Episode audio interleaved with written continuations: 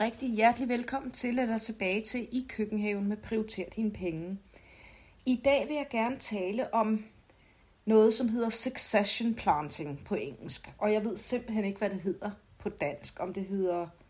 Altså, det, det handler jo i bund og grund om, at lige så snart en afgrøde er høstet, så har man en ny at sætte i, og den skulle gerne øh, allerede have groet en lille smule.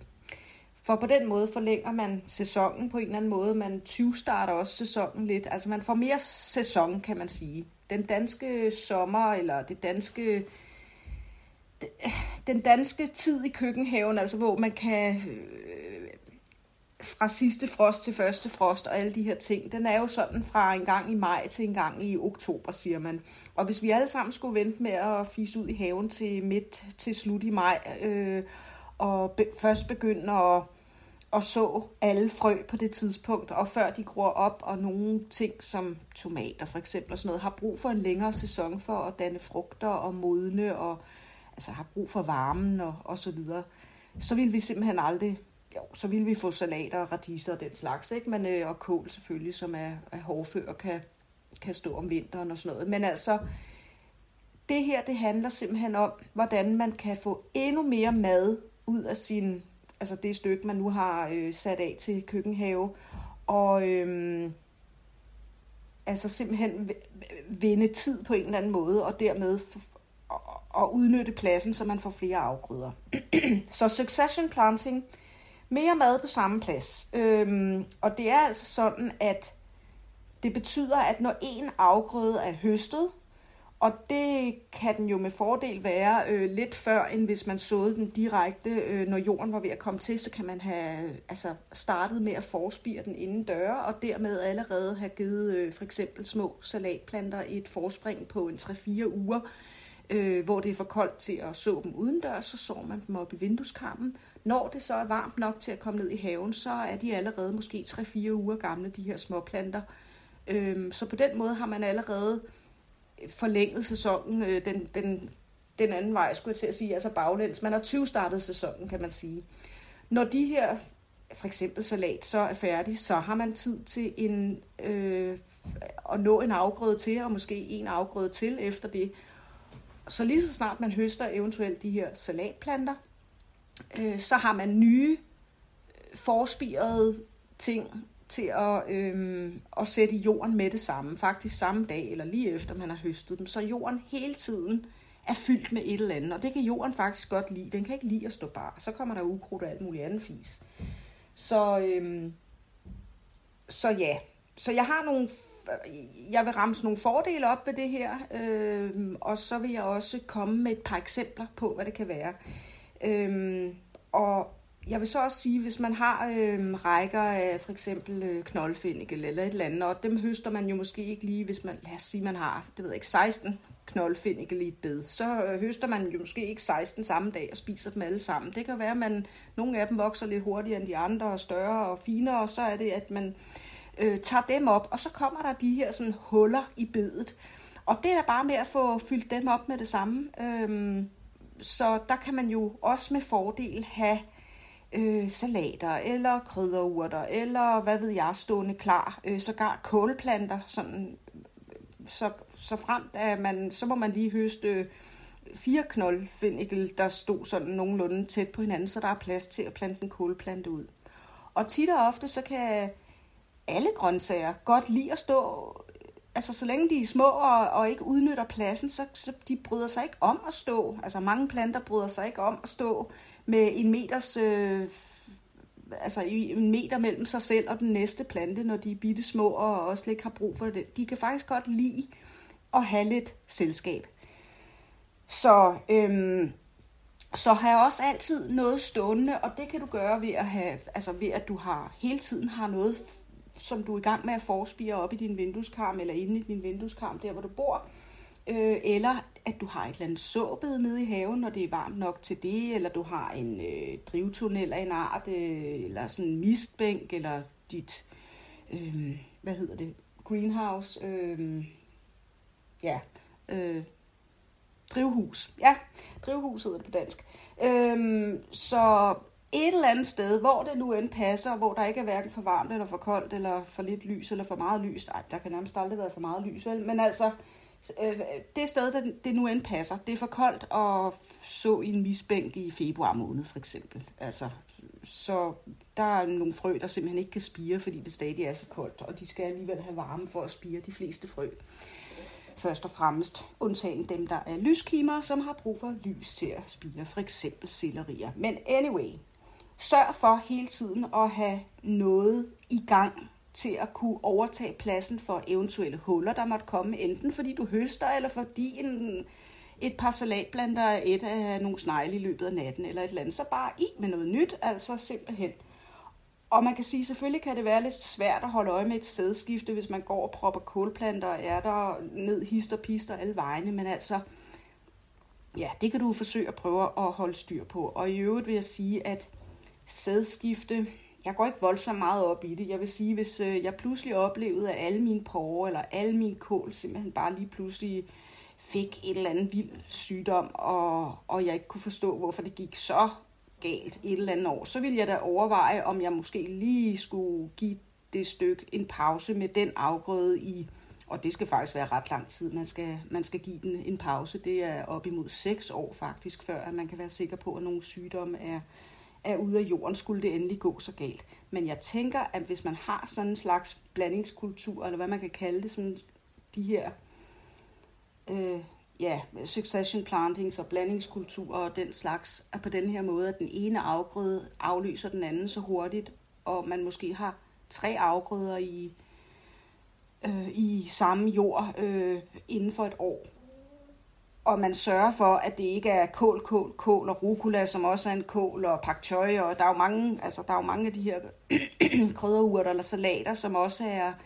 Altså man skal jo lige øh, skrive sig bag øret, hvilken plantefamilie de kommer fra. Også når man bare tænker rucola, som man måske tænker en slags salat. Det er jo faktisk en kål. Så det skal man selvfølgelig lige... Øh, de der kål, kartofler, løg, øh, rodfrugter og sådan noget, der skal man lige sådan være lidt var på, at de ikke øh, afløser hinanden i, i, med alt for korte intervaller. Men ellers så synes jeg altså ikke, at det her sædskifte er noget, man øh, skal tænke voldsomt meget over, medmindre man simpelthen bare har kartofler og kun kartofler i det samme bed år efter år efter år efter år, så kan man altså begynde at, at, at læse lidt om sædskifte, hvis man pludselig oplever, at, at ens kartofler bliver, bliver dårlige, eller høsten bliver ringet, eller de bliver angrebet af et eller andet. Nå, men jeg har et par eksempler på, hvad man kan gøre. For eksempel kan man mellem salater, som man måske har sået der øh, øh, i altså sået i en gang måske slut februar eller marts, og plantet ud i slut marts eller et eller andet, og går og høster øh, hjerteligt fra øh, gennem april og maj. Og så omkring juni begynder de altså at skyde op og, og være ved at være færdige, og nu vil de gerne sætte frø og gøre det, som naturen nu vil. De vil øh, være sikre på, at deres art overlever, og de skal sørge for, at de øh, laver små babyer. Øh, og så skyder de altså i vejret der en gang i juni, og, og så er det altså tid at at de bliver rykket op på et eller andet tidspunkt. Man kan stadig høste lidt blade fra dem, selvom de er på vej op, og man kan også altid kotte øh, der, hvis en enkelt plante, det er jo både med spinat og øh, alle mulige andre ting, koriander og sådan noget, hvis de lige har sat den, en, den første enkelte blomsterknop sådan, øh, eller begyndt at skyde op, så kan man altså lige prøve at fjerne det her blomstrende punkt, og, og så kan man lige forlænge, øh, øh, så man lige får lidt mere høst af bladene, inden at den så for alvor skyder op og går i blomst. Men altså, i blomst vil de jo på et tidspunkt, og det, det er jo naturens orden, og det skal de jo også have lov til.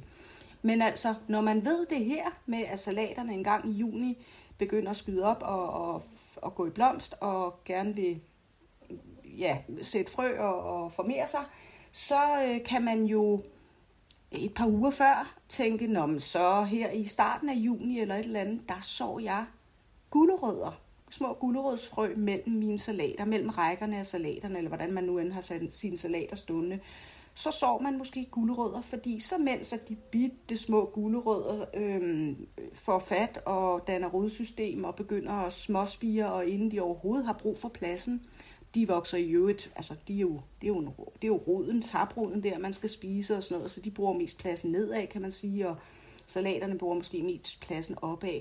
Så kan man altså have de her to kørende på samme tid, hvor den ene er ved at få fat, og den anden er ved at blive færdig. Og en eller anden dag, så er det jo selvfølgelig, at man til sidst rykker sine salatplanter op, og øh, når man dyrker gravefri køkkenhave, så graver man jo ikke i jorden, det giver sig selv. Det kan du høre meget mere om i et af mine andre afsnit på podcasten, øh, hvis du er interesseret i det, med fordele ved, og jeg skulle til at sige ulemper ved gravefri have, men der er ikke nogen ulemper, så der er kun fordele ved det. Og en af dem er, at når man er færdig med en afgrøde, så kan man have en anden i gang allerede i jorden, fordi man jo ikke skal grave hele jordstykket op.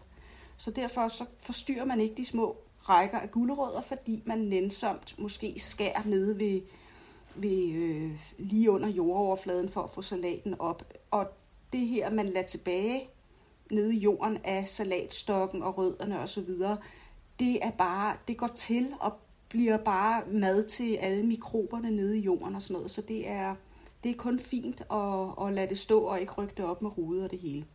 Og ellers, hvis man vil, så kan man altså dreje stokken på den her salat, og så nænsomt få den op med rødder og det hele, hvis det, hvis det er sådan, man vælger at gøre det. Og så forstyrrer man forhåbentlig stadig ikke for meget gulerødderne. Så det var en, det var et eksempel. Man kan også øhm, i august måned, når tomatplanterne står og efterhånden er begyndt også at skyde godt derop af, og, og man fjerner måske bladene sådan nedad, fordi de giver måske ikke så meget mere osv., så, så øh, kan man jo se jorden under tomaterne, og der kan man jo så så sine spinatfrø. Og så får spinaten, altså bruger pladsen mellem tomaterne, hvor at man ellers ikke ville få nogen høst andet end tomater selvfølgelig. Forhåbentlig i hvert fald. Øhm, men så på den måde kan man også køre, ja, både, man kan jo også kalde det en dobbeltafgrøde, men der går selvfølgelig noget tid før, at spinatplanterne så kommer op og er klar til at høste, men der har lige igen fået det her forspring øh, i forhold til, hvis man først skulle så dem efter tomatplanterne var taget op. Der er de jo også for sent at så spinat. Øhm, men ja, og så andre eksempler, det kunne være, at man i maj-juni måned, øh, så er der nogle gulerødder, man måske har sået i marts, som er øh, ikke klar til høst, men man kan måske begynde at høste øh, få af dem som babygulerødder, og der kan man altså lige lave nogle huller i gulerødsbedet øh, ved at, at, at tage nogle af, af de her øh, små gulerødsplanter op og spise som babygulerødder. Så kan man øh, udplante kål mellem gulerødderne. Det, kan de, det, kan, det er en god blanding, det kan de godt lide, de to der, at stå sammen. Og øh, igen, gulerødderne bruger pladsen nedad, og kålplanterne bruger pladsen opad. Selvfølgelig skal de begge to have næring og vand og fugt og sådan noget nede fra jorden, men det, øh, det må man jo efterkomme på anden måde. Øhm, men i hvert fald så, øh, og så i takt med, at man måske hen imod anden halvdel af juni og starten af juli får høstet alle gulerødderne, så, øh, så står kålene jo der og har fået godt fat. Og kålene har man jo måske oven i købet også i forvejen forspiret indenfor, eller i et kålbed i en misbænk nede i haven, eller eller et eller andet såbed nede i haven, eller hvad ved jeg, eller drivhuset, eller et eller andet. Så de er blevet til en god lille, øh, altså stærk plante, når de engang kommer ned mellem gulerødderne. Det var endnu et eksempel. Og så det sidste eksempel, jeg lige har valgt her, men altså man kan jo, altså fantasi, kun fantasien sætter grænser. Er der plads til det, og prøv det ad, og du skal ikke spekulere for meget på, om den og den afgrøde kan lide at, at stå sammen og sådan noget. Det har jeg aldrig gjort, det kommer jeg også ind på senere. Men øh, så det sidste eksempel, jeg lige har valgt at tage med, øh, det er, at man kan lægge kartofler mellem kål i marts måned. Så kål, som man har stået, for eksempel palmekål, eller purple sprouting broccoli, eller ja, rosenkål, eller hvad ved jeg, som står stadigvæk i marts måned, og stadigvæk er der høst at tage fra det, men de er skudt godt i vejret, og der er masser plads omkring dem nede på jorden. Der kan du jo, der er jo ikke nogen, der siger, at du skal plante, altså sæt din, lægge din kartoffel, må det næsten hedde, lægge din kartoffel lige præcis der, hvor den her rosenkål står. Du kan jo lægge den altså imellem, hvad har rosenkål af plads, de har måske 40-45 cm imellem sig, så kan du vælge 20 cm øh, væk fra hinanden og grave dine kartofler ned, øh, sådan med mellemrum der imellem kålplanterne. Så det er i hvert fald også en god måde at, ja, at udnytte noget plads på en, øh, i, i et bed på. Fordelene ved det her succession planting, eller blandingskultur, eller mellemafgrøder, eller hvad man kan kalde det her for noget øh, på dansk, det er jo, at der kommer en naturlig rotation på den her måde, og der er kommer et slags sædskifte, hvis du husker på ikke at aflyse kål med kål, for eksempel, så kommer der jo sådan en slags øh, naturlig, der kommer jo måske to, tre, måske endda fire afgrøder i det samme stykke jord, fire forskellige afgrøder i det samme stykke jord øh, hen over et helt år. Og på den måde behøver du måske ikke tænke så meget over, at du så ja, igen så gulerødder samme sted næste år i marts. Fordi der har måske både været gulerødder sidste år i marts, og så er det blevet af, afløst af nogle kål, og ind imellem kålene har du måske sået spinat, eller et eller andet, eller kørvel, eller hvad ved jeg. Øhm, så, så der kommer sådan en, en naturlig rotation. Det er en af fordelene. Så er en stor fordel jo, at det giver mere mad. Ved at du ikke kun har kartofler, og når de bliver høstet, så står jorden bare, og der er ikke tid til at, at sætte noget andet i, fordi du ikke har forspiret noget eller et eller andet. Så, øhm, ja, så får du mere mad, fordi at du er på forkant og har småplanter, der er sat i gang, og du har snydt lidt, eller sådan 20 startet sæsonen i den ene ende, og forlænger den i den anden, osv. osv. Så er det jo som sagt også godt for jorden ikke at stå bar, øh, hvilket også gør, at der er mindre ukrudt, fordi ukrudt det kommer jo selvfølgelig, når der er bare jord, og det får lys osv. Så, videre. så når jorden er dækket, så er der meget mindre ukrudt. Øh, og så forlænger du selvfølgelig også den her forholdsvis korte sæson, vi har i Danmark, som hedder maj til oktober igen. Det sagde jeg jo også det i starten, at altså, nogle afgrøder, som man dårligt nok øh, kunne, kunne få noget ud af, hvis ikke man startede dem øh, op, altså begyndte at forspire dem og plantede dem ud lige så snart øh, vejret var til det osv. For eksempel øh, chili, peberfrugt, aubergine, tomater osv. Og så videre. Der skal nå at bruge en masse tid både på at komme op og vokse op og danne blade og danne frugter og gøre frugterne modne og høstklare. Og igen det her med, at de fleste grøntsager faktisk godt kan lide at vokse blandt de andre. For eksempel kan kål godt lide at vokse med ærter eller salat. Det er faktisk videnskabeligt bevist, at de vokser bedre, når de har noget, sådan, ja, noget blandingskultur, og de ikke står med, hvor der er milevidt hen til, hen til dens altså hen til en anden plante. Så øhm, ja.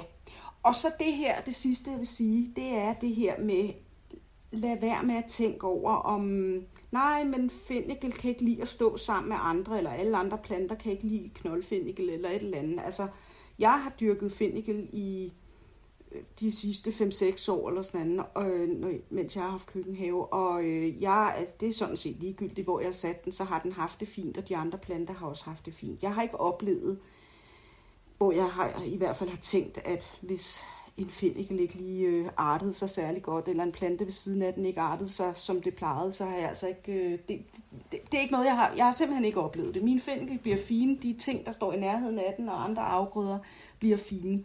Så alt det her, du læser med, den og den kan ikke lide hinanden, og den og den er gode for hinanden, jeg vil sige, det kan der sagtens være noget om, og der er jo nogen, jeg kan simpelthen ikke huske, om det er basilikum og tomater for eksempel, man sætter sammen. Både, det smager jo godt, altså det smager både godt sammen i køkkenet, men så skulle de vist også være gode for hinanden, fordi så kommer der nogen skadedyr eller nyttedyr, kald det hvad du vil, til Øh, bas, som basilikum tiltrækker, de er gode til at hjælpe tomatplanterne eller et eller andet. Jeg mener, det er sådan noget med basilikum og tomater, men som sagt, jeg går ikke, jeg går ikke voldsomt op i det, men skal vi sige, at vi kan kalde det her for myter eller fakta, fordi altså, jeg synes, det er en myte, det her med at knoldfinniklene at, altså, er sådan besværligt, det sorte får i familien og sådan noget af plantefamilien. Det, det, altså, jeg, jeg har ikke oplevet, at knoldfinnikel er særlig besværlig og andre planter ikke kan lide den. Men det, øh, men det, må, men det er der jo det er der jo snak om, så det ved jeg ikke. Jeg, jeg synes, I bare skal prøve det. Og så kan I jo gøre jer jeres optegnelser. Brug jeres havedagbog. Det har jeg jo også lavet et afsnit på podcasten om. Det er den her havedagbog, der er helt uvurderlig, når man så sidder og tænker, hvad gik godt og hvad gik skidt, og når man laver sin armchair gardening hen over hele vinteren og glæder sig til at komme i gang igen, så kan man sidde og så kan man sidde og have gjort sig det her notat om ens fennikel, om de virkelig er så besværlige. Øhm, men altså myter eller fakta, det ved jeg ikke, hvad vi skal kalde dem, for der er jo selvfølgelig belæg for, at nogle planter hjælper hinanden. Og muligvis også belæg for, at nogle planter ikke bryder sig om hinanden. Jeg har bare ikke oplevet det. Så det var det, jeg vil sige om det her med succession planting, altså få så meget ud af din sæson, du kan, og start dine planter før og sætte dem ned i, i jorden, når de er små planter, sæt dem ned i et bed, der endnu ikke er, er bart, fordi der stadig står planter, men du er måske begyndt at høste. Der er måske huller i rækkerne, fordi at du har høstet nogle af afgrøderne, eller nogle snegle har spist nogle af salaterne, eller hvad det kan være. Fyld det ud, så der aldrig er huller, så du udnytter din køkkenhave og den plads, du har til rådighed mest muligt. Så tak for at lytte med, og øh, husk, at jeg timestamper, altså tidsangiver nede i mine kommentarer, så du altid kan hoppe tilbage til, eller frem til det, du lige præcis øh, lige gerne vil høre igen, eller hvis du synes, at, at noget er mere spændende end andet. Så tak for at lytte med. Hej igen.